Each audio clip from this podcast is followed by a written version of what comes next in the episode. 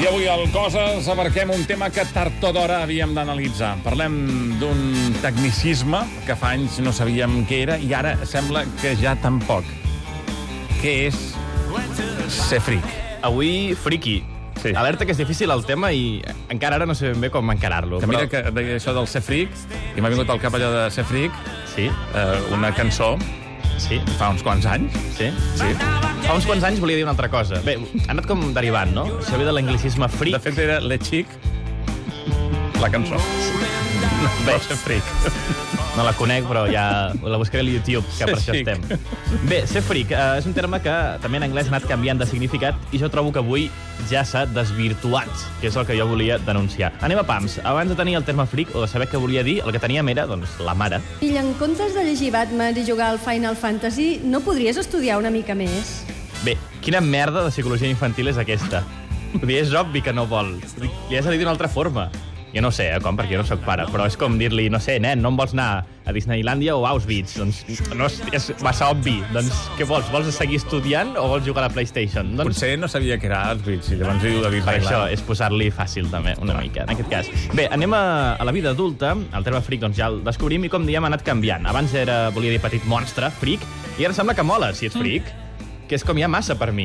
Fins i tot els friquis, avui en dia a vegades lliguem i portem algú a, a la nostra habitació. Tio, tens un ninot del Sauron, un DeLorean de Regreso al Futuro i un pòster del Doctor Who. Ets un friki. Ja, però, tia, estàs al meu llit enrotllant amb mi. Mira, aquí m'has casat. Ho veieu com hi ha gustos per tot? Això és bo en la societat actual, però el que a mi em molesta és que ja tot ha de ser friki, oi que és veritat? Abans no es deia friki a tot. No. I ara tot en general es defineix com, com a tal. Abans et deien friki només per un motiu. Mira, m'estic llegint un còmic... Friki! Ja ho tenies etiquetat, eh? com el que ara estàvem comentant.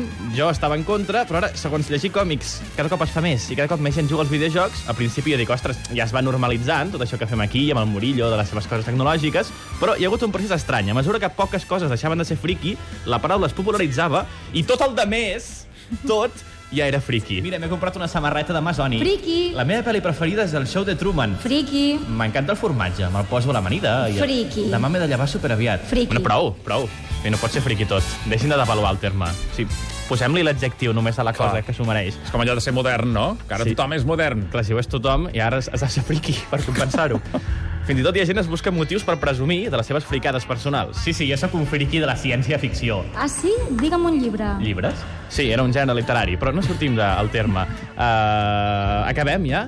Va, per acabar, què és el millor? És ser un mateix? Hi ha gent que a a l'hora de, de seduir fins i tot se n'amaga de ser friki.